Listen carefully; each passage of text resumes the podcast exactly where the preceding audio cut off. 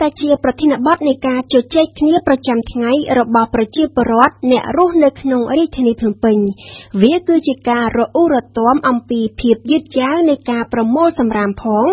និងការបង្ហាញអារម្មណ៍អំពីភាពខ្វះអនាម័យនៅតាមដងផ្លូវដែលសម្បូរទៅដោយសម្រាម សម្រាមដែលពេលខ្លះនៅរាយប៉ាយតាមដងផ្លូវដោយសារតែប្រជាពលរដ្ឋមួយចំនួនមិនបានចូលរួមសម្អាត ហើយខ្វះការយល់ដឹងផ្នែកបរិស្ថាន នៅរាជធានីភ្នំពេញ សម្រាមបានកើនឡើងពីរង្វង់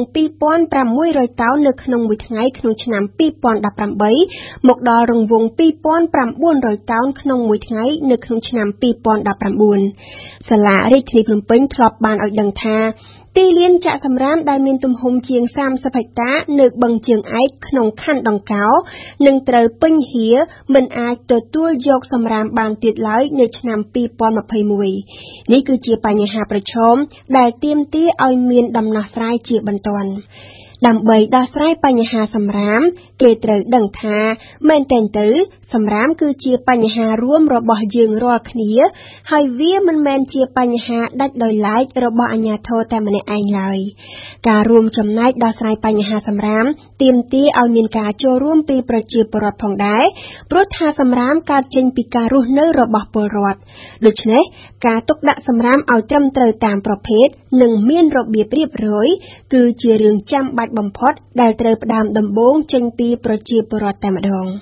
អ្វីដែលពលរដ្ឋអាចធ្វើបានតាក់ទងទៅនឹងសម្រាម គឺការញែកឲ្យដាច់ពីគ្នារវាងសម្រាមសើមនិងសម្រាមស្ងួត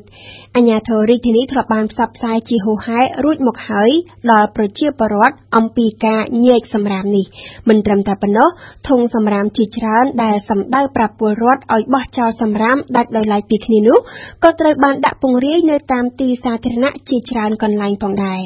ប៉ុន្តែគេសង្កេតឃើញថាការញែកសម្រាមនៅតាមគេហដ្ឋានរបស់ប្រជាពលរដ្ឋមិនទាន់ត្រូវបានអនុវត្តនៅឡើយទេ បន្ទាប់ពីប្រជាពលរដ្ឋដល់វេនអាជ្ញាធរវិញម្ដងសប្តាហ៍នេះការងារប្រមូលសម្រាមត្រូវធ្លាក់ជាបន្ទុករបស់រដ្ឋាភិបាលស្វយ័តគ្រប់គ្រងសម្រាម និងសំណល់រឹងនៃរាជធានីភ្នំពេញ បន្ទាប់ពីរដ្ឋាភិបាលបានសម្រេចដកសិទ្ធិប្រមូលសម្រាមពីក្រុមហ៊ុនសិនទ្រីកាលពីចុងឆ្នាំ2019សំណួរដែលត្រូវចោទសួរនោះគឺថាស្ថាប័នដែលទើបតែបង្កើតឡើងថ្មីថ្មោងនេះ មានលទ្ធភាព សមត្ថភាព និងបទពិសោធន៍គ្រប់គ្រាន់ដែរឬទេ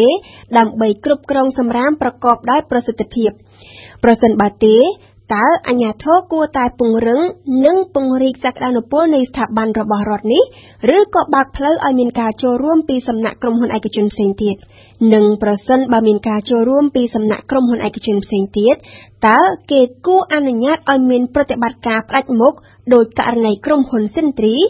ឬក៏គួរតែបើកឲ្យមានក្រុមហ៊ុនច្រើនរួមគ្នាប្រមូលសម្រាមនៅក្នុងរាជធានីភ្នំពេញ។ និយាយអំពីទីលានផ្ទុកសម្រាមវិញសប្តាហ៍នេះទីលានចាក់សម្រាមក្នុងខណ្ឌដង្កោ ដែលមានទំហំដល់ទៅជាង30ហិកតា កំពុងតែឈានទៅរកការពេញហូរហៀ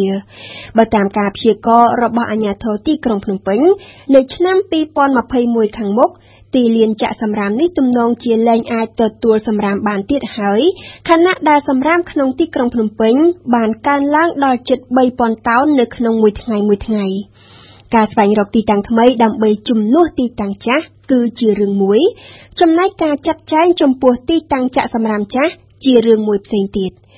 តើអញ្ញាធរនឹងធ្វើដូចម្ដេចចំពោះសម្រាមនៅទីលានចាក់សម្រាមបឹងជើងឯកបន្ទាប់ពីទីលាននេះពេញនៅឆ្នាំ2021តើសម្រាមទាំងនោះត្រូវដុតចោល កប់ចោល ឬកែច្នៃ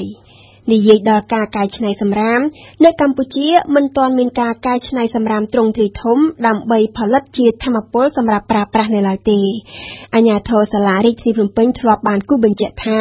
កន្លងមកនេះមានក្រុមហ៊ុនឯកជនយ៉ាងតិចចំនួន50ដែលបានតាក់ទងសាលារាជធានីភ្នំពេញដើម្បីសិក្សាទៅលើការវិនិយោគនៅក្នុងការកែច្នៃសម្រាមប៉ុន្តែក្រុមហ៊ុនទាំងនោះបានដកខ្លួនទៅវិញ នៅពេលដែលរកឃើញថា ពួកគេទំនងជាមិនអាចរកប្រាក់ចំណេញពីការកែច្នៃសម្រាមនៅក្នុងទីក្រុងភ្នំពេញបានឡើយតាមពិតទៅការកែច្នៃសម្រាមគឺជាដំណោះស្រាយគន្លឹះដ៏សំខាន់មួយសម្រាប់បញ្ហាសម្រាមនៅពេលមានការកែច្នៃសម្រាម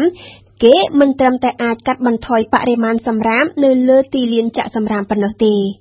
ការកែច្នៃសម្រាមនឹងអាចផ្ដល់ជាចំណូលក៏ដូចជាជួយបង្កើតការងារបន្ថែមដល់ប្រជាពលរដ្ឋខ្មែរទៀតផង